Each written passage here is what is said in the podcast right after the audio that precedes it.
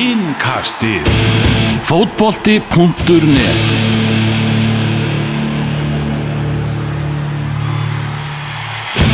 Komið sæl og verið velkomin í Evrópu innkastið hér á fótbolta.net Elvar Geir, Daniel Geir Moritz og Magnús Már Einarsson. Við erum mynda þrýr, hressir og, og kátti strákanir Já, í uh, höfustöðum fótbolta.net Enda Daniel í bænum eins og, eins og hlustendur vita vel. Við ætlum að skoða alltaf hesta sem að gerðist í Evrópuboltanum helgina og, og munum leggja áherslu eins og venjan er á, á enska boltan Við ætlum eins og vera að byrja bara á þessari kórónaviru Já, sem er heldur betur að setja mark sitt á, á fótboltan og bara hver fréttin á fættur að annari um, um hinnar þessar frestanir og leiki fyrir luktum dyrum og, og allt það og það var rosalega atbyrðarósin á Ítalíu gær. Já, þar sem að leik með Parma og Spal voru mætt, mættir bara í göngin. Þegar þeim var sagt að fara aftur inn í klefa vegna þess að bara uh, í þann mund var verið að taka ákvörðinu það hvort að leiki dagsins myndu yfir höfuð fara fram. Því að fósetti leikmannasambands Ítalíu, leikmannasamtakana þar hann var búin að senda frá sér yfirlýsingu morgunin segja það að það væri nú bara óábyrgt að, að spila þessa leiki og íþróttamálráðar Ítalíu tók undir þau orð. En samt var ákveðið að að þetta færi fram með alla þessi leikir í gær. Það er ennþá einhvern veginn allt í, í lausu lofti þannig í, í ítalska bóttan mm það sem að mér fannst nú ef maður reynar að sjá svona skemmtilegu hliðarnar á þessu sem, er, sem eru færri þá var þetta aldrei fyndið myndband þegar Kristján Ronaldo var að lappa til leiks á móti Inter þannig að hann var að gefa ósynilegum áhörundum fæf Já, en þetta eru náttúrulega galnir tímar sem að við lifum á og við allir þrý sem sittum hérna við borðið eru náttúrulega eitthvað að spá og spökulir í þessa veiru bara út frá því sem að við erum að vinna að íslenska boltanum, þannig að þetta er farin að hafa áhrif hér og óljóska verði með landsleikin hérna 2017 og hver er eitthvað tilfinning? Hver er leikið fyrir luktum dyrum? Mér finnst það alveg góð líkur á því, já. Mér finnst þú að það meiri líkur en minni. Já, já. Þetta, þetta er svo, svo klukkan þrjú getur verið komin önnur staða sko. já, já Þú veist, Það er þetta er ára bara- degi og hérna En sem ég maður hefur líka á að gera bara er að Birkir og Emil komast ekki í leikin Mhm. Það er vesinn Mhm. Og hérna allavega með Birki, er ekki búið að tala Emil svolítið upp í því að að hann og Birkir Jú. þeir eru náttúrulega Við að tala leggjum þá ekki á jöfnu Við sko. þurfum að tala þetta upp ko- Við fáum smá vorkun sko. já, já, Þetta er allt sem hann planað. Það er það að gera En hérna En nei, ja, sérstaklega Emil Nei, Birkir svolsögð Hann líkir maður í, í liðinu En hérna Það er líka spurning hva- hvað verður líka með þessu umspilleiki Ég veit heldur áfram að vesna Hvort það verður frestað Það er líka möguleik af því sko. Kitty Vallastur er mjög ánægð með það Þeir eru búin að búa lögum í halvt ár og svo er þið leikurinn ekki í mars. Ansko Það væri peningur í súið þar maður. Þannig að ég horfði á stærsta hluta af þessum leik Juventus og Inter í, í, í kórnum í, gær. Veist, Þetta var eins og þetta væri bara leikur í kórnum. Þetta var bara bergmálsbolti bara leikvangurinn er náttúrulega þannig að, að það bergmálaði allt hana og hann að Rikki G var að lýsa þessu leik og ég svona, svona fann það á honum að þetta var svona meira krefjandi heldur en að lýsa flestum fótballaleikjum sko. Já, það er einhvern veginn svona náttúrulega bara engin stemming í stúkunni og, og allt það og mér var svolítið fyndið að veist, engin handabönd fyrir leiki og leiki fyrir luktum dyrum. Og skoraði hann að Pálo Dybala annamarkið, hljóp inn í bóðvangin og að hann að varamannabekknum þar sem að starfsmenn og, og, og þjálfarar starfsmenn og leikmenn og eitthvað bara sko hóp knúsuðan og svo var bara þú veist verið að sleikja honum kinnina og bara kissa hann að ítölskum sið og allir Ah. bakkinn sko já. og var svona ákveð, ákveðin kaltan í því svo sagði nokkra myndir af því að, að leikma Juventus þeir þökkuðu nú fyrir leikin líka svona eftir upp í, upp í stúku sko Já. þetta var skrítin stórleikur sem að það er náttúrulega, já, Juventus vann og, og lítið meir um það að segja nema það bara flottið þeim Þetta er í hug, það voru sænski gaman þættir einhvern tímann stöð 2 sem heitur Segjumir þá hérna voru þeir einhvern tímann að rífast um hvort það væri auðvelt að lýsa fótballtaleikjum eða ekki. Og þau slögt á sjónvarpinu og hann byrjaði að lýsa og það var alveg glatað. Þannig að það vantaði allt svona umhverfisljóði þannig, þannig að kveikt á riksu sem hann var með. Þannig að það var spurning hvort að Rikki hefði átt að vera með riksu í, í stúdíónu til að hafa allavega eitthvað og maður getur vel trúið að sé allt annað að, að lýsa fótballtaleik þegar það er ekkert svona undir og, og skrítið að horfa, það var líka skrítið að horfa á hana leik þegar það er Já. ekki og hvernig hefur þá verið að spila hann og kannski er þetta bara byrjunin á einhverju sem við erum að fara að vera vitna að bara næstu misseri. Já, ég var bara nú á vellinum á, á Maxim í í Króati fyrir hvað tveimur árum? Og spilaði hluturum og það var mjög skytið Einmitt. Eina sem heyrjast að þegar Robert Agnarsson í stjórn KFC tók áfram Ísland eftir minnilega og ég viknaði alla. Já, já, það er en, en þú veist, þá heyrður þau bara allt sko, bara leiminu söðun á vellinum og heyrði hvert einasta orð. Já, og það var ákveðin upplifun líka en mjög skytið Það var ekki, leist þetta nú alveg, alveg, alveg príðilega Það var áhugavert í þannig að Sheffield United Norwich þá út af í öllum leikjunum þá bara svona var engin handabönd í ennsku úrvastildinu um helgina bara annað liði lappaði fram hjá hinnu og svona menn eitthvað kinkuðu kolli og eitthvað en þar var, þeir byrjuðu på bein þar Já, já, já, Sheffield United Norwich já. er, ná, náða að rætti þessu þannig Bein er gjarnan kallaða klessan, er það ekki? Er það ekki það sem þú kallar bein? Já. bara svo, að ég veit en þeir sem er að hlusta það bara bein, veitir hvað er alveg að reykja núna? það er að fara þannig Já, er ekki fínt sánd í þessu? Ég held að, Jú, ég held að. Ó. Herru, þarna allt í, allt í guti Við skulum kíkja á leiki helgarinnar í ennsku úrvastildinu og byrjum þar á stórleiknum Manchester slagnum, Manchester United á móti Manchester City þar sem að Manchester United vann verðskuldaðan 2-0 sigur. Já, heldur betur. Og þeir eru búin að vera á miklu flýju undan þannig vikur og hérna, er að segja að Bruno Fernandes hafi breytið svo liði til eins betra og breytið mikið að hérna, alltaf að sjá Jónat liðið þessu dagana og, og ég fann að haldast að því að þeir munu bara krækja í þetta fjóra seti Sko, Tim Sherwood kom með áhugaverð umæli fannst með það sem hann var svona að tala um leikmannópinu United og hvað Bruno Fernandes hefði breytt þessu.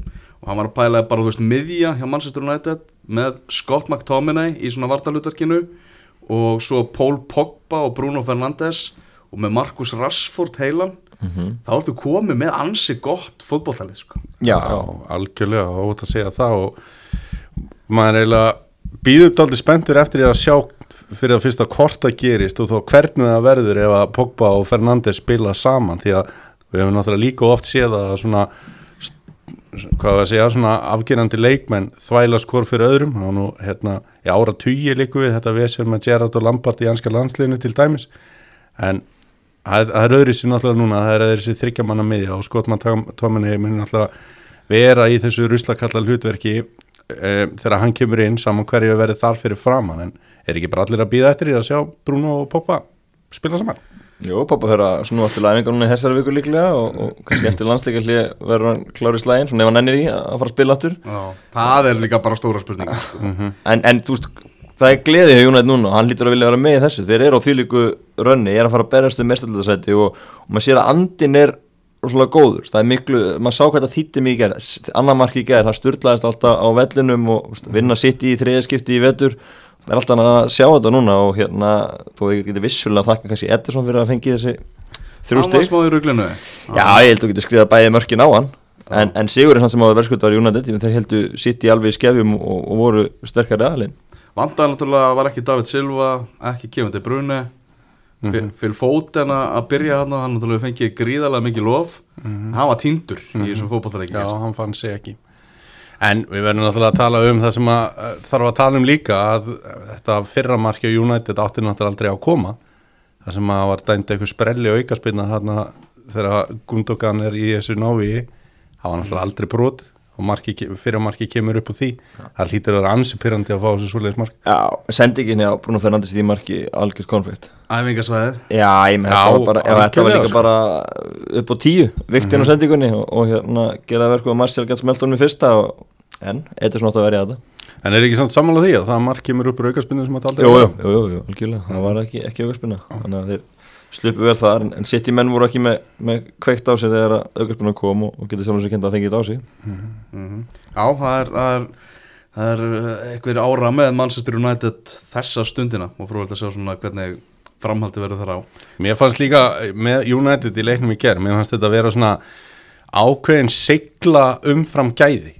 Mm. veist, þetta svona gekk bara upp hjá þeim og það var ekkit, það var ofta tíðum ekkit mikil afgangur af þessu mannstu sitt í náttúrulega rosalega mikið með boltan uh, í svona leik þó að enn og aftur er ekkit rosalega mikið komið út úr því þá munaði rosalega mikið um Daniel James því að þeir gáttu sendt mjög oft upp í hotni þar sem að hann eldi boltana og bjóti tíma og andrimi fyrir United lið. En City var með svona ákveðna yfirbyrði náttúrulega út á velli og heldur boltanum alltaf og Ríad Maris var mjög óheppin að leggja ekki upp þarna í öfnunamark eftir að hann kom inn á. Þannig að þetta var svona seglu sigur fyrir ekkert að United hafi verið svakalega gott í þessu leik. Það var að sjást svolítið á Daniel James hvað hann langar mikið að fara að leggja upp og skora eins og að gerði upp á þetta tímabils. Þess að hann fjekk að peppið þá sko. Já. Hann átti rosalega mikið að renna mútið í tegin hann á Bruno Fernandes Já, í eitt skipti þegar hann reyndi skot og þröngu færi. Þannig að ég held að vilja uh, kannski já, sem verður að hugsa svo mikið um marki þá þarf að hérna, aðeins einfalda að leikja sinn og, og þá kemur þetta. Já, en nú er möguleik á því að Manchester City standi heiðusvörð fyrir Liverpool Já, er ekki bara konur fína líkur á því? Já, það er bara góða líkur, í, Já, líkur á því. já, þetta er hérna helgi spilast þannig að nú vantar Leopold tvo síra yfir bót til að klára titilinn. Og það eru tvei leikir það ekki eftir og síðan kemur sittileikurinn mm þannig að en, en svo getur sittið náttúrulega líka mistið þessi í mildiðin er eiga Arsenal núna miðugudaginn og svo börlega um helgina. Þannig að við erum ekkert- lóka fyrir að skoti að þeir, þeir mistið þessi þar. -hmm. Það var ósangað þetta guðlarspjall sem að Fred vinnur okkar fekk í leiknum í gerð fyrir dífu Já, það var það. Og hérna, það er eitt sko þú getur líka sko, ef þið finnst þetta ekki verið næra mikið til að það var víti, þá getur líka bara haldið leiknum áfram. Já, þú þarft ekki alltaf að ríða spjaldið þú veist, leikmenn detta leikmenn, já, ég menn, þú kemur á fullri ferðinni í vítateg þá þarf svona litla snertingu til að þú missir jafnvægið, svo það en veist, hann er aldrei yfir upp guldspjaldan út og miðjum elli ef hann gett dóttið svona sko. hann bara vildi meina að þetta væri leikarskapur sem þetta var ekki því að það var klálega sparkað í, í leggin á hann og maður skilur vel hann hafi dóttið við þetta og þetta átti bara að vera, vera vítaspinna miklu frekar en Algjörlega. Þessar framfarir hjá Fred eru alveg gjössalega fáránlegar. Sko, hann var það mikill grínkall að ég bara, ég gæti ekki séð að kæmi einhvern tímann eitthvað merkilegt frá honum sko. Nei, nei, ha- hvað er þetta raun hans búið að vera síðan í hvað, desember eða eitthvað hann er bara af fyrstu mönnum á blað bara núna Já, hérna, og hann heldur bara áfram að, að spila vel þannig að bara virkilega vel gert í honum. Eitt sem er nokkað líka að minnast á í þessu leika, Brandon Williams var mjög nálátt í að að verða skúrkur, Já, það sem hann gjörsanlega gleymið sér hérna í, í rángstöðu línunni Já, og það var og, hérna, þetta var ekta svona hvað var er einhvern veginn skrítið sko að línuverðurinn flaggar sem að mann finnst þannig hegi ekki að gera af því að það er videodjómgæsla uh, vörnin hjá Manchester United fer í ákveði hálfkák eða jafnvel bara hættir. Og Aguero heldur áfram, situr hausin undir sig og tekur svona ekta Aguero klásliða sem hann dundra boltanum á næru upp í þagniti og það var bara sentimetra spursmá frá því að þetta hefði bara verið lögulegt mark. Bara millimetra? Já, nákvæmlega en, en þá er einhverju kannski sem myndi segja á ekta var að vera að bjarga United og eitthvað lalala eins og svo umræða hefur verið og hefur ofta átt rétt á sér. En þá var línuverum búin að dæma markið af þarna í þessu tilfelli. Þannig að fannst það varbrandara kallarnir þeir fá ekki eitthvað fyrir sinn snúð upp úr þessu að því? Já, ég, ég, ég held þannig til fyrstu endursynningu þegar mér fóru að skoða þetta að það væri bara mark. Já. Ég held að munum svo litlu og ég, og ég held að það væri gott bíu uppsynningu að það myndi bara flöta markið á Mhm. og er allt brálað en, en þeir sluppu þannig með nokkra millimetrum. Þú veist, þetta var ekki augljós mistök aðstofdómara sem nei, nei. þannig að það það hlýtur að að telja í þessu. En maður veit það ekki, þetta var búið að vera algjört ólíkinda tól Förum í hinleikin á, á í gær þar sem að Chelsea tók sér til og, og slátraði Everton 4-0 ótrúlegur munur á þessum tveimur liðum og ógeðslega gaman fyrir Chelsea stundum sem hann að horfa á hana leikaldi bara því liðið var geggjað á heimavelli uh, enduð þennan leik með þrjá átjánara stráka á, inn á vellinum og náttúrulega þessi Billy Gilmore. Heru, þetta er þetta er orðið bara minn upp á sleikmaður ánast í dag sko. Já, mjög skemmtilegur og hérna áhugavert að hann er skoti og, hann far ekki kalli í landslið núna í lókmanns líklega. Þeir ætla að spila mynd og einu frekar. Já, það er bara butt Það er að taka hann varlega inn í þetta. Þeir vilja, vilja menna að hérna, hann myndi kannski ekki fá að fara beint í byrjunlega í landslinu og þess vegna ætla hann að spila mynd og einu er staðfestunum byrjulegismæður en ég myndi segja að hann sé bara orðið hann nú þegar sko. Hann átti flesta ef hann getur sendingar bossa leiki í ennsku úrvarsleitinni þá held ég geti alveg gert það með skottunum Skotland hefur ekki verið að ríða feitum hesti í það, sko. Þetta er- fótbolta þetta er áhugavert. Já. Hann átti, átti flesta sendingar í leiknum Hann hana, fór mestu kílómetrana og eitthvað allra fyrstu mínútunar þá sá sem að smá skjálta í honum Hans fyrsti byrjunarsleikur í ennsku úrvastendinni En síðan bara varð hann algjör kóngur hann á miðjunni Já. Og ógeðslega fyndið að sjá þetta viðtal við hann og Ólifi Tíru eftir leik hana, feðgar og ferð sko. Sem að þetta, voru bara eins og feðgar í, Æ, í, viðtali 15 ára á milli þeirra og, og hérna en hann var líka frábæra á mútið Leopold í byggarnum í vikunni þannig að ég held að hann til líka þar Já. þannig að þetta er ógeðslega spennandi leikmaður sko. og líka bara svona oft þegar svona koma einhverju krakkar inn þá vilja félögin passa upp að þessi ekkert að veit og mörgu viðtöl og svona. Að- Nei, nei. þessi fyrir bara í viðtal eftir viðtal eftir viðtal. Já, já, ég er greinilega með hausinn alveg hárrétt skrúfaðan á sko. já. Já, Frank Lampard er greinlega líka að gera góður hluti bara áfram með þessa ungu leikmenn hjá Chelsea og við vorum nú um þetta ræða saman við Elvar fyrir leikin uh, um Mason Mount sem að það er svolítið fjarað undan hans hæðum uh, í vetur en hann stóð sér vel í leiknum í gerð á frábæri ger og líka þú veistu, við erum að eigða skilur öllum orðum í að tala um ungu leikmennina hjá, hjá Chelsea. Í þessu sigri í gær þá skorar Pedro sem er 32 ára Oliver Giroud sem er 33 ára og William sem er 31 árs. Þannig að þetta er gott samspil aðna milli krakka og, og reynslubólta Já, en allir þessu góður sem hún nefndi getur verið að fara í sumar eins og þess Já, vilja núna mikið orðað af Arsenal Já, Til dæmis. Telsi vil ekki gefa honum lengri samning hann vil, hann vil fá hérna þeir getur endur sko það bara eftir þessi Já, já, Já, og klálega. svo spyrjum við saman með Giroud, ég menn heldur flestir að hann var að fara í janúar en núna er hann bara aðal maðurinn að frammi og, og ég myndi drífa mig að binda hann í eitt til viðbótar. Mm -hmm. ríkala vammyndi leifmaður og, og hérna, ég held að hann sé búin að sína það að hann er miklu betra að hann sem uh, berjast við Abraham heldur en hérna Batshuayi En á þessu þrejum, myndur þú taka það alla eða? Það var allir Pedro, Giroud, William. Petro svolítið búin að hérna, fattast flýði Já, ég myndi ekki vilja sjá hann þarna Þetta áfram. slaufa honum sko en Samanlega því Ég hugsaði að þetta var að fagna sem marki á brúni í gæra Þetta getur nú síðast að fagna hans á brúni Það er sé komið gott þar En, hérna, Mhm. en hinn er tveir Viljan og, og, og Gíru Ég myndi vilja halda þeim með að vera til símaður Já, samanlega já. Hjartar, samanlega förum þá í, í Everton hliðið Guð minn almáttur hvað þið voru slækir í þessum leik? Okkar maður fær mjög mikið á baukina eftir þetta maður. Hann fær rosalega mikið á bögin og, og Hann er líka fyrsti maður sem fær á baukinn þegar á að gefa einhverjum á baukinn. Er, Já, ekki, er hann ekki svolítið þar? já já, en hann var mjög vondur í þessum leik. Já. hann var alls ekki svo eini í, í Everton liðinu, þú veist, sem var vondur í þessum leik, manna skástur var kannski Pickford. Já, þetta kemur, já, hann á öllum örum Já. hérna, er Þetta kem, kemur sko eftir með þennan Júnatleikin síðleiki sem var góður. Það var bara hörku fín farmastæða múti Já. Júnatleikin gerir jættiblu og hefði vel getið unnið þannleik Svo kemur þetta í kjölfærið og þetta var algjör hörmung.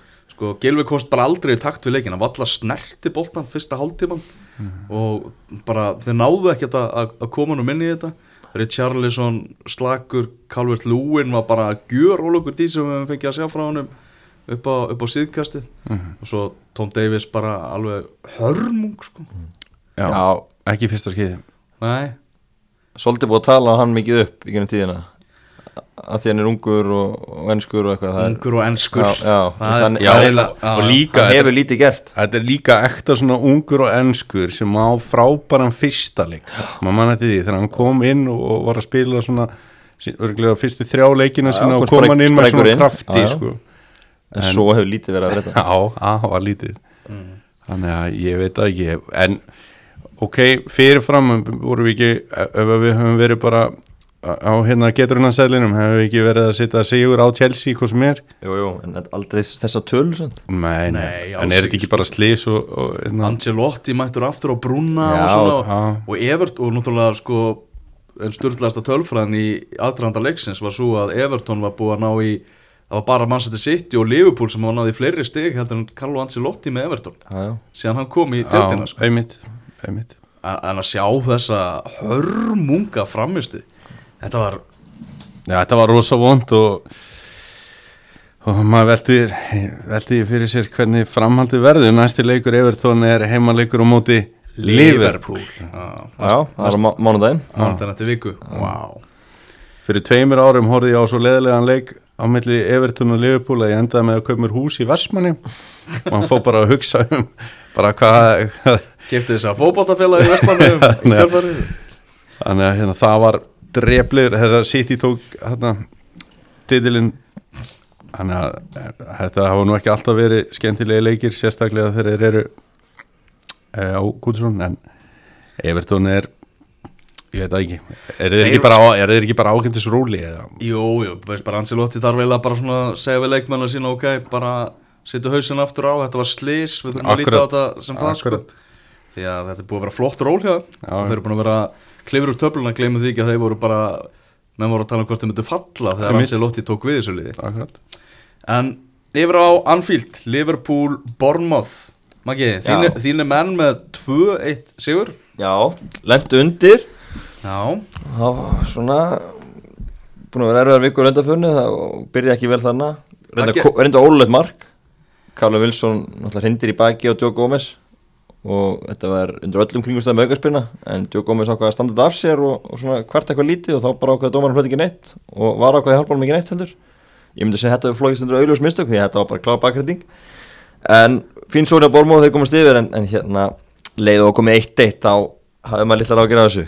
Leið og jöfnu og sérstaklega í fyrri háleik þá, þá var þetta alltaf að fara enda á einn veg á, á Anfield og, og tala ekki um að móti slöku Bormóðlið sem að ég held að sé að sigla niður í, í tjampiðsutildina Þetta er mjög svart hjá þeim. Já. Maður sem hefur verið heldur pötu diggur þjótt fyrir Liverpoolmenn í allra kvikinda líki, það er James Milner Já, sem var hann með bandið og mættur í hvað í vinstri bakverðin já, já, staða sem að listi svo sem talsvert á þar síðast tímabili Já. og bara uh, miklu myndaskap uh, frábær í, í þeirri stöðu og hérna Andy Robertson var smá tæpur þannig að hann hérna hendi Milner í bakurinn og, og Milner stóð sína vakt bara eins og hann gerir alltaf. Mjög vel og hann hlátti gegja björgunum á línu í senniháleik sem sumur ekki hann svolítið upp sem karakter og leikmann, vinnur sem inn og, og gefast ekki upp og, og hérna bara mættur á svæðið og, reynsaði burt. En hérna, en eins og ég Leopold bara konur aftur á, á sigurbraut og nú er það bara tveir sigrar viðbót og þá er þetta komið þá er þetta bara- komið. Þetta hefur ekki verið mjög sannfærandi eftir að þeir skelltu sér hérna í, í vetrafríði sitt fræga. Nei, nei, og, og það, það betið framistu en þetta á miðvikudaginu mot Alltíku Madrid. Allir liðið sér að klára það vissulega, var ekki Henderson komin aftur þá? jó, Robertson líka þannig að það Ah. munar það. Og hérna Alltíku Madrid er alltaf fárunlega öflugt varnalið en ég er svo ekkert endilega að sjá þá skora á, á, á Anfield. Ef Leopold er að halda hreinu þá held ég Leopold klára þetta við alltaf ég held að Leopold finna alltaf glöfu og fara þá að minnstakosti framlingu með 1-0 og, og klára þetta þar eða jafnvel bara 2-0 á skalanum 1-10 hverjir eru, hver eru líkunar því að Liverpool fari áfram úr þessu einmi? Ég myndi segja að við séum í svona sjö. Sjö? Já, Þú- Ég er til meiri líkur en minni. til að talsvægt líklegri. Já, ég held að er út af því, allir komandi liðið hefur verið sterkara ég held að ég, var erfitt með að sjá að skora á, á, á Anfield og, og við veitum hvernig Európa-kvöldin eru á Anfield. Leopold mætti Barcelona í fyrra. Og þá var staðan 3-0 fyrir Barcelona og Leopold vann 4-0 eftirminnilega. Þannig að 1-0 fórskot allir á Madrid geti verið fljótt að hverfa þannig ef hann er stemminga á Anfield og tala ekki um við Leopold skora snemma þá á þetta að vera nokkuð, nokkuð þægilegt. Hver er fyrir því að maður ekki leikmaða tímabil sem sé á Liverpool? Þú veist, það er búið að nefna eiginlega alla í liðinu á einhverjum tímapunkti. Já, það var rosalega auðvelt að benda á Djóðan Henderson núna þegar hann hefur verið á hliðlinn í þessari læg sem við verið og, og ég held að tekur kannski mikilvægi bara sem, sem person sko, þú veist, hann hefur verið bara flottu með fyrirlabandi margir vildu meina að Virgin van Dijk ætti að taka við fyrirlabandinu og annað en ég held að Henderson hafi sínt það í vettur og hann hefur heldur betur leitt liðið áfram. Hann er kongurinn Já, gert það vel á meðan að Van Dijk er náttúrulega að gera það frábæra líki í vörninni en, en ég held að hendur sér meira drífandi. Van Dijk verðist oft verið svona fljótur að fara í fílu líka. Þegar, þegar allir voru að fara til sólastranda hérna í vetrafríðinu þá var Henderson bara í Liverpool eða ekki? Bara, var hann ekki að horfa okkar unglingaleiki Milner var það var Milner? Já, sjálfsögðu, hann fór ekki neitt. Milner. Hann fór bara á srúspyruleikin og var hann í klefa fyrir leik að spjalla og menn allir hinn voru eitthvað að sóla sig. En það sér ekki hvernig hann stendur svo eftir sko vetafríð Hann er alltaf læg með hann, hann er, hann er í góðu standi. Já. Hinn er hafa verið að dala en hann stendur sína plikt. En, en ég myndi segja, leikmann tíma sem Leopold myndi ég taka myndi líka að setja þetta á, á Henderson eins og þú segir, það eru margir til kallaðir samt. Ég, ég er einmitt sammála því og mér finnst líka bara svona út af, verðst að tala um það Daniel að séu margir sem hafa svona fengi, Já. fengi sína kabla á tímabilinu. Þá finnst mér eiginlega bara svona kjörið að hjá lang, lang besta liðinu að sé maður með bandið fyrir liðin. Já, hann er líka bara búin að vera svo stabíl sko. Já, það er máli og þú sér eins og Allison auðvitað verið frábær líka. Hann missir af fyrstu tvei mánuðunum á tímabilinu. Uh, framhernir af allar átt sína skorpur en dottið niður hann á milli. Að manni hafi nú verið bestur af þeim, hann gerir klána tilgætt líka. Mhm. og svona lertu með vanda ekki vörnin en, en Joe Gomez hefur líka verið stokkurslegu hliðan á honum. Fabinho, Og- Fabinho datt út og Já, munnaði eh, ekki um það.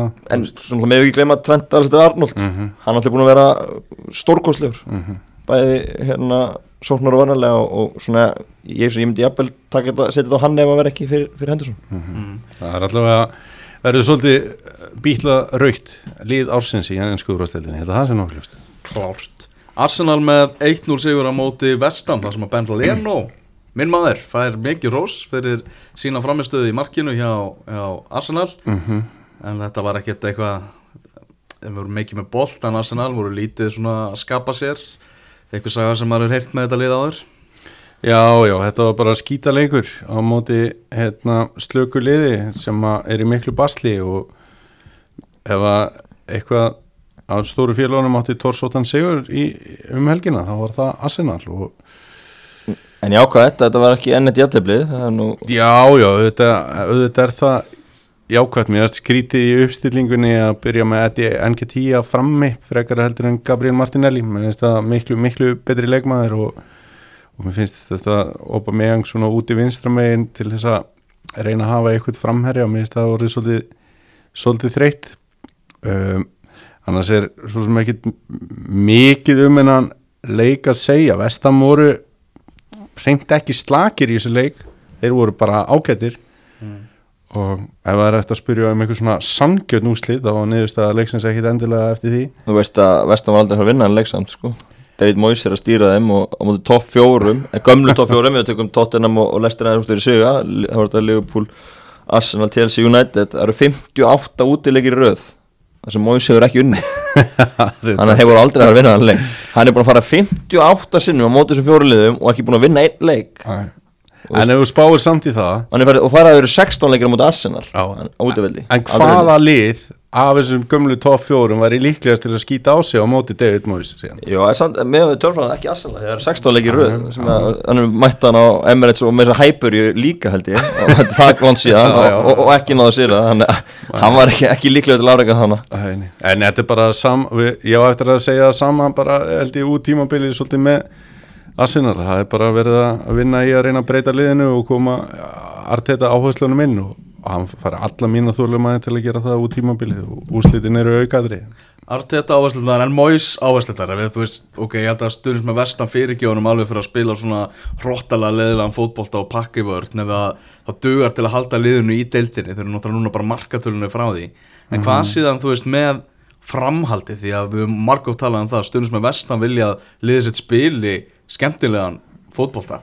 Er bara Moisboltin komið til að vera hjá, hjá vestan maður velti fyrir sér veist, hvað hann er að gera úr því sem hann hefur núna og, og, og svona björgunaðagerið sem eru í gangi. En þetta er svo, ó, þetta er svo úber mikill varnarleikur sko. Já, en Mois hefur líka alveg geta þú veist, eins og eins og stundum hjá Evertón og þegar hann var þar og svona, þá gæti hann alveg bóðið upp á einhverja skemmtun, ég held að við getum alveg verið sammálaðum það. hann er með fullt af fínu leikmönum hann það er alveg góðið fótboltamenn annað Já, og margir og búið hafa að leggja að talsast í þetta Já, já, en það hafa líka verið mikið, mikið meðsl hann er mikið búin að vera henda þeim bara á bekkin þú veist það var leikur um daginn það sem var bara allir sem gátt eitthvað í Já, fótbolta. ta talandi um það, þá var til dæmis Robert Snodgrass á bekknum á móti Arsenal, mér varst mjög skrítið að segja það sem hefur verið er svona mjög öflur í sístu leik. Já, en ég veit það ekki mér ég, hann mun myndar spenna á milli hans og stuðnismanna vestam ef að hann fer inn í næsta tímabili að spila döða á djöfull, það er bara klart það Já, gerist bara eitt fyrir bingo sko. ef hann er að halda þeim uppi. Já, yfir höfuð. Ég- menn þú veist, hann á að gera það Já, en já. það er ekkert sjálfgefið. Þetta er stutt á milli og ég menna það er ekki svo að sé ykkur frábæri stuðu Nei, þeir eru það alls ekki. Þetta, þetta verða breyt og Aston Villa og Norwich. Börnleik gerði eitt til jafntefli á móti Tottenham. Uh, þetta Tottenham liði náttúrulega uh, leðilegt fyrir það að það séu ekki la líka þá varu þið búin að náttúrulega fá undan þá til að kaupa sér sóknamann já, það var góð en þeir eru ekki þar, þeir eru í ennsku úrvastildinu og það hefur ekki gengið mjög vel upp á síðkastið og Mourinho komið svolítið í gamla farið farin að gaggrina gaggrina leikmenn Mhm. Endon Bele sem að fekk gaggrina eftir, eftir þennan leik. Hann hikar ekki við að nafngrina menn og, og draga það ofan í, ofan í svaðið Nei, við sáum nú ansi mikið að þessu þegar hann var hjá Manchester United. Já, svo alltaf sagðist hann er búin að rýbranda sig og vera auðmugur þegar hann mætti í vor og það endist í tvo mánuði. Mhm. Nei, mætti í haussi, hann mætti tóku þér í nóvambur og hvað var í janúarbyrðir fílu Var þetta ekki sikur leis Þannig að þetta er hann er magnaður en hérna en ég með hann verður samt núna bara þess að hérna kannski fara að breyta um stíl því að þeir er ekkert að frétta núna undan vikur og þeir fara bara aftur niður í neðraskiltið þeir fara ekki að, snúa við gengin Það er alltaf rosalegu leikur næstu helgi hjá, fyrir Morini og það er náttúrulega tóttin á Manchester United. Wow. þannig að það sáleikur fyrir margra hluta sakir er áhugaverð Já, ekki spurning. Og ég meina ef þeir, vinn ekki þar þá er þessi Evrópudraumar svolítið að fara frá þeim og þeir, þeir, hann verður bara að fara að snúa þessu vinnuna. Þetta er búið að vera arvata bara stundafönu en svo náttúrulega líka þessi leiku við Leipzig í vikunni í meirstadöldinni þeir eru ennþá lífið þar þó staðan sé ekki góð. Tapa 1-0 heimaðalli og eru að fara til Þísklands núna. Þannig að tímbil getur farið bara nánast alveg í þeir, ef þeir hérna, tapa í vikunni í meirstadöldinni og svo aftur fyrir United Þetta Það var tímabil fyrir vaskinni hjá tóttina bara að missa Son og Harry Kane og með allt þetta út sem fyrir að Norvins í byggarnum Mhm, Já, hefur hún getað haldið, það. haldið sér inni þar var nú algjör, Já. þannig að þetta Þetta ekki lítur ekki vel út sko. Nei, og maður bara finnur líka á stuðnismunum Tottenham sko, þeir eru ekki sáttir. Þetta var svona, svona þeir ætla að gefa Mourinho sens og var svona ákveðin bjart og hann byrjaði fínt og var að gefa boltastokkunum 5 og, Mhm. og, og var gaman að vinna leiki en svo er þetta búið að fara alveg Var náttúrulega í svolítinn tíma í öðru sæti besta árangurinn í deildinu Já, já. frá því að hann kom og eftir bara klopp en það eru svolítið síðan að það var sko. Hallaði undan fæti Já. Sjón Dæs heldur áfram að gera ótrúlega hluti með þetta börnleilið og kreista allt út úr því sem að, sem að mögulegt er Jói Berg náttúrulega ekki í hóp alltaf þessi meðsli hjá honum er, er ekki bara ólíklegt að hann veri með í þessum leik á móti rúmenu? Ég held að sko ég held að Dæsi ekki að því en ég held að Ísleika landsliði hefur náttúrulega rétt á að kalla í leikin ef hann er, ef hann er hérna í lagi og, og ég held að Er ekki að bara litla líkur á því að verði í lagi með að hvernig þetta tímabili búið að vera hjá honum? Ég, sko, ég held að séu svolítið menn í bómulna börnuna, gengur vilja börnlegi það er engin ástæð til að fara ít honum í, í aksjónstags, ég held að vilja bara að ná þessu alveg strax. Og það er það sem er að gera, sem er að býða og býða og býða en fara mjög varlega með hann, hann spila alltaf eitthvað varlegsleikum daginn og annað, ég held að hann geta hann spila hann leik en það geti verið áhætt af fólkinni því eins og hann hefur tekið áhættur áður fyrir Ísleika landslið og verið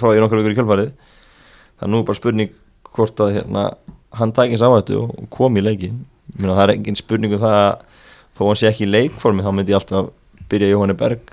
Hann fekk hlutverksvita búið tíu í Ísleika landsliðin og, og þetta er það mikilvæg leikur. Ég myndi alltaf láta hann spila. Ég ætla að setja skala spurningu bara á sjálfa mig með þetta og segja að það sé nýju að hann spili leikin Já, Já, já, ég held að hann spili potið sko. Nýju, það er vel í það er ennþá 17 dæri leik og hann er búin að vera svona næstu komin í gang núna í mánuð. Þannig að ég held ég sé bara með hann í, í bómur og, og, og svo ringir Ísleika landslið og tekur hann og dæs fyrir brjálæður og Já.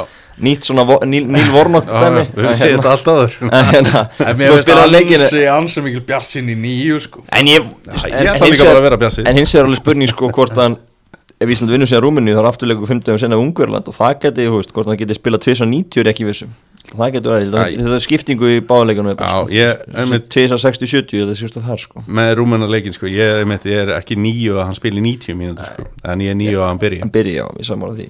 Já, en svo getur vel verið þessi leikur verið fresta fram á vor þá var hann komin í toppstand já. leikunum verið Sheffield United með 1-0 sigur á móti Norrit Þetta var ekki, var ekki mikið verið að skora í þessum laugatasleikjum í ennska boltanum Mhm. En þetta var eitthvað með, ég sá það eitthvað Já, það. Opta voru að tala um það, bara laugadegi er bara aldrei verið að skora lítið þegar eitthvað x margir leikið verið fram bara frá því bara eitthvað, bara tíu ár síðan eitthvað. Mjög neikvætt með. Já, þetta var rosalega vant En markverðinir, þeir fá, fá bara rós í staðinn og já. Dean Henderson er búin að fá mikið rós út allt tímabilið þessi lánsmaður frá Manchester United sem er að spila með Sheffield United. Mm. og við erum búin að ræða það nú bara jafnvel hvort að Manchester United ætti, ætti bara að fara að gera hann að aðalmarkverði hjá sér. Já, nú er ennsku slúðublöðin að elska í, í Power slúðinu morgu, vorum við að tala um að Chelsea ætlar hann að fá hann í staðin fyrir Kepa og, og hann vilja fara ef hann verður ekki aðalmarkmaður í United og annað. Þannig að menn er mikið að tala um hann í Englandi. Skiljanlega, búin að staði frábæla ég veitum með, með Sheffield United og, og það verður mjög áhört að sjá hvað verður um, um hann. Hva, í, í hvaða marki hann stendur næst tímili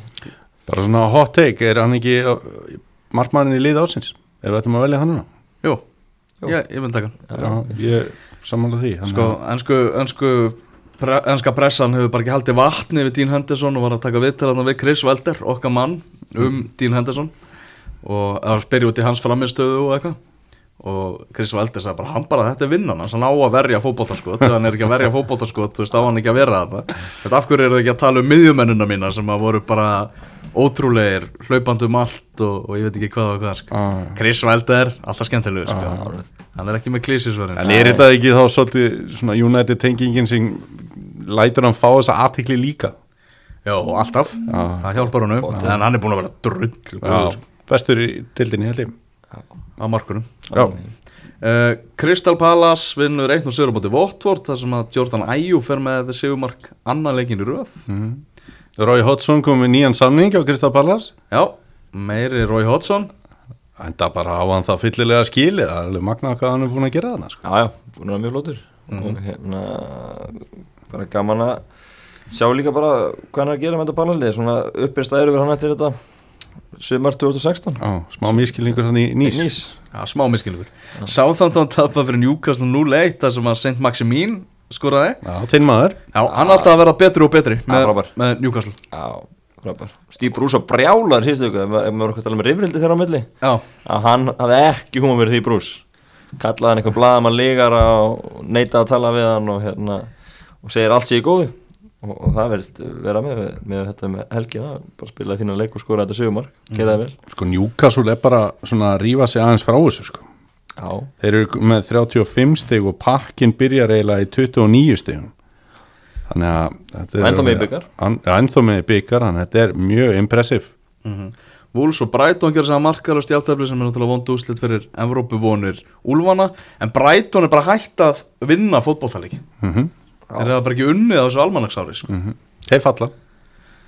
Ég kallaði það bara í janúar eða eða, eða fyrr Þeir áttu líka svona kabla á síðasta tímabili. Svona byrjuð ágætlega og náða að safna stigum og svo voru þeir bara alveg róttalega lélegir. Já, það var nú lítið bara ástæðan fyrir að Chris Hutton var látið fara þannig síðustu Já. vor. Það var ekkert að frétta til áramót og það voru að berga sæti sinu Ég er nú ekki jafn harður í þessu og, og Daniel að fara niður. Ja. Nei, ég, ég hérna ég Það eru að fínir leikmenn sko. Já, ég var alveg til að sjá Aston Villa rífa sig í gang. En Þeir gera það ekki. Nei, þannig að svo ertu með Bormóð sem ég held að veist, ég, Já, ég, ég, Mér veist meiri mjög á þeim heldur en Brighton. Ok. Þó að hérna, veist, ég held að Brighton mun ná að kreistund eitthvað stiga á næstunni og, og bjarga sér. Ég heiti hann að Lítsara í, í ger Hann hefur væntalega verið brosandi. Jú, og hann var svona nánast nánast að segja mér það að hann væri byrjaður að undirbúa fögnuð. Já, eftir uh, þennan svakalega vonda kapla hjá þeim þá hef- hafa, hafa þeir fundið beinubrutinu aftur eru núna með 71 stig. Mhm. stífönda vestbróm en það stýst náttúrulega um bilið í þriðjasæti Mhm. þar sem að fúlham er með 64 stig. Þeir takk ekki annan svona hróttalega kapla, Maggi. Nei, þeir hérna held þeir sigla þessu og líka ekki annar í röð sko, en það fór náttúrulega allt í skrúinni hafa mér fyrra þannig sennipartin og í, í lokin og, og þeir læra þeirra reynslu. Þetta er það gott fórskot núna og við það líka hvernig championship-deildin er að, að þessi lið fyrir aftan verða líka alltaf að reyta steg okkur öðrum. Ég verðum að sjá liðin eitthvað í þrjú og fjóra seti fara eitthvað þýlítur hann. Þannig að er það mikið núna. Ég held að þeir sigla sér höfn og, og fara upp. Það sem að hefur gest áður getur alltaf gest aftur. Algjörlega, Sérstaklega, sérstaklega með lýts ég neita að trúa því núna sko, þeir klára þetta. Já, já, ég, og ég er bara svo innilega vona. Þeir Já, eru er sérstaklega sko, og það væri rosalega gaman líka bara að fá Bielsa og, og Bolton Hans í úrvalslutina Já, fá bara lýts, fá bara þetta logo og lögadagsleikina í ennskjúrastildinni og allt þetta og bara, það er að allir er búin að vera að býða eftir þessu í mörg ár sko. ef þeir síðan eru í umspili þá er þeir bara sko að afsala sér þáttökur rétt þar sko Já. já, já, þeir- þá tapar alltaf þar sko. Það var alltaf það Förum að kíkjum aðeins þarna í önnur Evrópulönd á Spáni þá okkar Real Madrid bara að nulla út þennan frábæra El Clasico. Sigur með því að vera umurlegir á móti Real Betis hérna til síðan antalaðum bara vestu framistu á tímabilinu hefur umurlegir varnarlega og umurlegir sóknarlega og þeir leiftu bara Barcelona aftur í toppsæti deildarinnar. Uh, og við erum að tala um það að að síðustu vikur þá eru búin að detta út úr Copa del Rey eru komin með baki uppi vegg í meistaradeildinni og vissulega þessi sigur í El Clasico en þeir eru í öðru sætinu á eftir Barcelona. Já, bara munurinn á, á einni viku sko, því að þeir voru svolítið betri í þessum El Clasico-leik og unnu hann frekar samfærandi að drulla síðan svona á sig sko. það er Við erum að rætta áður að svona stærstu liðin í Evrópu sem stóru kallar hafa ekki verið jafn samfærandi á þessu tímabili þar hafa oft verið áður og ég sá að Jonathan Wilson hjá Guardian var að skrifa grein um þetta um helgina þar sem hann var einhvern veginn svona að tala um að að bara að, að þessi félög hafi kannski leift sér svolítið að slaka á hafi verið í svo miklum þægendarama nokkur að þeim náttúrulega verið með kannski með svona yfirburði í sínum löndum og, og allt það. Og hafi farið meira út í skamtíma hugsun heldur en langtíma hugsun það vil að eins og norðaða sjálfur hafi bara leift sér að fitna í sófanum sko. já, já. Við sjáum það náttúrulega bara til dæmis eins og með Manchester City á Englandi. Þetta er allt fyrir þessi tímabil núna heldur en þeir hafa verið að eiga. Guardiola búin að sitja eitthvað persónulegt með í að tapa. Við sjáum þetta á Ítalíu, við sjáum þetta í Þískalandi og aldeilis á Spáni. Já. Það er ekki gaman svona að fá títilbáratu á spáni. Þetta er nátt við að svona í aðra okkar áttina. Og, og núna er bara hörku báratu og verður til, til loka. Ekki nema er maður alltaf að gera aftur þessum helgina og fara, fara að klúra ykkur stigum á fárlega stuðu Mhm. Í Þýskalandi er Bayern Mönn með fjóra stega fórustu eftir sigur gegn Augsburg. Var góð helgi fyrir, fyrir bæjara uh, Ein frétt sem að vakti aðtikli í lok síðustu viku. Það var þegar Seferin fórseti UEFA sagði bara talaði reynd út til englendinga og sagði þeim að leggja niður deltabyggar að það myndi bara hjálpa öllum þegar það var verið að spyrja hann út í leikjálag og, og, og allt það. Fer ekki að stýttast í það? Jó, sko það er sem þeir að byrja og að taka hann undanúslega leik út. Auðvitað Það er náttúrulega alveg fárunett ah. Það er spilað tvo leiki undanúslutum og, og menn, við höfum þetta svo á Spáni menn, þeir eru búin að breyta þess kemni þar B-kemni, þetta var alltaf að spila heima og heima. Þeir eru búin að fækka því núna, ég held sér bara í undanúslutum sem þeir gera það núna. Bara til að minka leikjála þannig ég held að þetta sé það sem koma skal. Þeir munu, munu skera eitthvað niður leikina. Og þetta er náttúrulega ekki, veist, þetta er líka á öðrum stigum í byggarnum á Englandi. Ef það er jafntefli og það sé annar leikur og eitthvað svona, er það ekki í elstu og virtustu sem það er þannig. Mákunum stegum Jú, jú, jú.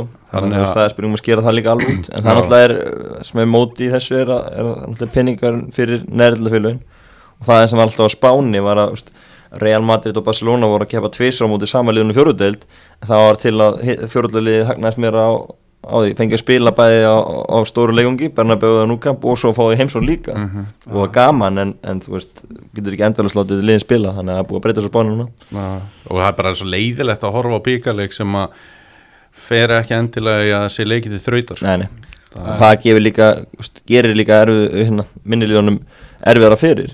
Sjáum bara um daginn. Leopold Súsbury Já, gerir jættibla á heimaðalli og sáleikurinn það fer í víta og getur farið hvernig sem er. Svo fórum Leopold og Anfield fullt hús og bara með krakkalu unnu. Mm þeir voru alltaf að fara áfram ef þeir höfðu stiltu bestalið tæft að þeir var krakkaliðin unnu samt. Að- en Súsbury hefði átt meiri sens að fara í vító. Það, það hefði náttúrulega verið magna köpsett sko.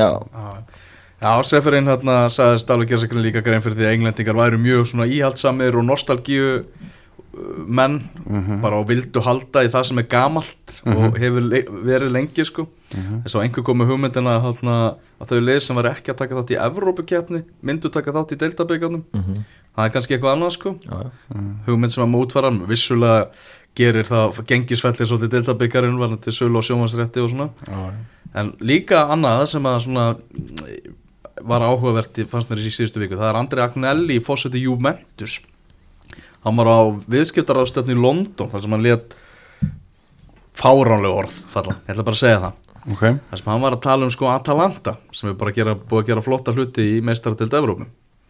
Og sagði bara, er það rétt að við erum með hérna þessa rosalegu keppni meistaratild Evrópu sem er keppni stórustrákana að Atalanta sem á allt í einu eitt gott tímabil fái að leika við stórustrákana meðan lið eins og Róma sem er með þvílíka sögu á bakvið sig og alla þessa titla og eitthvað á eitt vond tímabil og fái þá ekki að taka þátt í þessari keppni með öllum þeim tekjumissi sem að því fylgir og Ef við ekki bara að- alltaf bara félagin senda, nei, samböndið senda bara inn fjögulegin sem fara alltaf í mestaldina, er það ekki það sem hann vill? Mm. Önnulegi ekki sens, að það sé bara hérna hann er eiginlega að segja það Ég er að segja, það er að segja er bara að vera handvalið í, bara í, í, fjögulið bara, keppnina sko. þau eru bara alltaf í mestaldinni og önnu geta bara glemt þessu Þetta er já, það er svona umalí dæmið sem bara sjálf sko. það þarf í raun og ekkert að það sem fannst þau með hvað merkilegast við þetta er það sko hann var ekki að missa þetta út úr sér í einhverju útvarsviðtali þú veist í brennslunni eða eitthvað. Heldur, heldur hann að hann var bara að halda ræðu á ráðstöfn það sem hann var að tala fyrir sig sko. en, en, en þú veist, þetta er fárunlega skemmtileg saga með Atalanta á þess tímabili. Við sjáum á Spáni núna þeir geta fegi í fjórðarsæti. Getur verið í mestaldildin næst tímabili ef þeir halda striki. Þannig að Lest- þetta, er, Lester- þetta, er, þetta, þetta, já, þetta er að skemmtilega í fótboltan Já. er að, að svona lið hérna getur komið upp og, og strýtt stórstakunum átt eitt tímabil og farið í meistardelt og svo framvegis. Þannig að þetta er alveg fárlega til honum og, og hérna hann har bara sáttu með sitt lið þeir aðeins tillum og, og hérna og, og sem bara þeia bara liturinn sem að Lester glæti meistaradöldina hafum árið sko, veist, Já, var- það var gaman. það var mjög skemmtilegt. Shakespeare á tekið við þannig og mættur og senni hlutan það var mjög gaman. Ákvæðlega. Hvað er ykkur á meistaradeldarleikina í, í vikunni? Náttúrulega báðir að senda, senda krakkan í Liverpool áfram. Já. Já, já og, og, og Atalanta klára sitt á móti Valencia. Já, já, og ég held að Mourinho væri fílu til Þískalands og, og kom í fílu tilbaka líka. En, en það er allar líkur því þó myndi vinna lengi verður ennþá í fílu en, en að, nei, ég held að það sé, sé uh, of þungt fyrir tóttin að vera markjundi þegar ná ekki snúið svo við PSG Borussia Dortmund. Það er rosalega leikur. Dortmund leiðir 2-1 í því NBA en nú erum við komin til Parísar leikið fyrir luktum dyrum. Ég, ég ætla að senda Dortmund áfram. Já, ég meina Erling skorur alltaf eða ekki? Jú, eða ekki? Þannig að þá er einhvern mútið allar mark. Mm Göngum út á því. Og þá getur orðið, já, þetta getur orðið Ég Það er samt að vera ósamlega, ég held að PSG vinni 3-1 já, Færa frá þannig. Mann finnst það einhvern veginn bara svona meiri einhvern veginn svona heildabræður á Dortmund liðinu sko. bara hvernig þeir spila og, og það meni þá hjálpaði þeir að spila svona stóra leiki heldur en hjá PSG Er þetta enn eitt reyðarslega yfir PSG fær út í sextálega Ótöl hvað það gengur illa í sér meistarlega alltaf. Alltaf að reyna en En, en gengur ekki neitt. Verða þær ekki bara að fara að kaupa alvöru leikmenn? Já, vantar dýr, eigðans meir í leikmenn. Borgaðum betri laun og svo þið hérna Það er rosalega mikill hítið samt núna um maður að heyra með Thomas Tuchel. Já, það er svona lítil ánæga með hans störfatna Ah, er í, að- sko. Já, ég Það held er það. líka allt og landsins skiptum þjálfara Þeir Já. elska það líka. Nákvæmlega. Hann er búin að vera allt og lengi hann Þannig að það kemur nýður í sumar. Ég myndi skrifaði á Twitter þegar hann var ráðinn að þetta væri frábær ráðning hann eftir eftir að gera að PSG að fraklandsmeisturum og, og dætt út í meistaradeildinni. Já. eins og allir. Það verður bara þannig það verður þannig. Eins og hérna hvað sem að gerist núna eða næst sko. Já, Maggi aðeins Tómas Túkal hérna í, í janúar sko. Það virkar ekki hreskur sko. Nei, hann hefur ekki fór út í Katar. Hann Það var hefði janúar í fyrra. Hann hefði engan húma fyrir því. Það var verið alls konar húlum hæða þannig Þegar að PSG var mætt til Katar Og hann hafði engan húma fyrir þessu. Vildi bara fara út á æfingu og ekki rugg Það virkar svona pyrraður Já, En endum uh, engastið á, á Íslandi þar sem að ótíma bara spáin var byrt um, um helgina í útastættinum hjá okkur. Uh, hefði ekki, það hefði vantilega orðið einhverja breytingar á þessari ótíma bara spá ef hún hefði verið opinberu setna um daginn. Já, vikingarnir tóku káa hana hvað, 6-0 á lögadaginn En Svo spyr maður sig Það eru hansi mörglið um hittuna Valur var á toppnum að ekki í síðast hjá Tjóðanbjörn Mhm. Konin í þriðasetti núna. Hefur hendið niður í fjórða Það hefur svolítið mikið. Þannig að þetta er Það er erfitt að bróta sér hann að leiði í topp Það er nefnilega, já, það er nefnilega hægar sem þetta er gert með þannig að káa breyðablík og val og, og svo vikingarna þannig rétt fyrir aftan. Þetta verður bara vonandi hörku kemni sumar.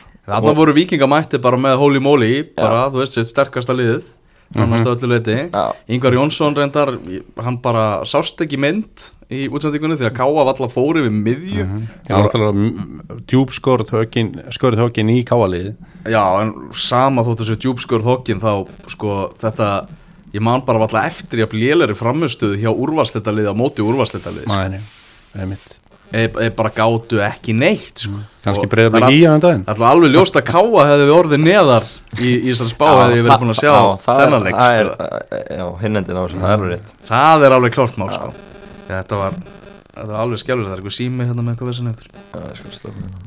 þessi toppar átt að verður náttúrulega mögnuð í sumar og það eru mjög mikið af svona spurningamerkjum. Það er alltaf breyðablík gæti valla verið stærra spurningamerki fyrir sumrinu bara út af öllu sem þar hefur verið.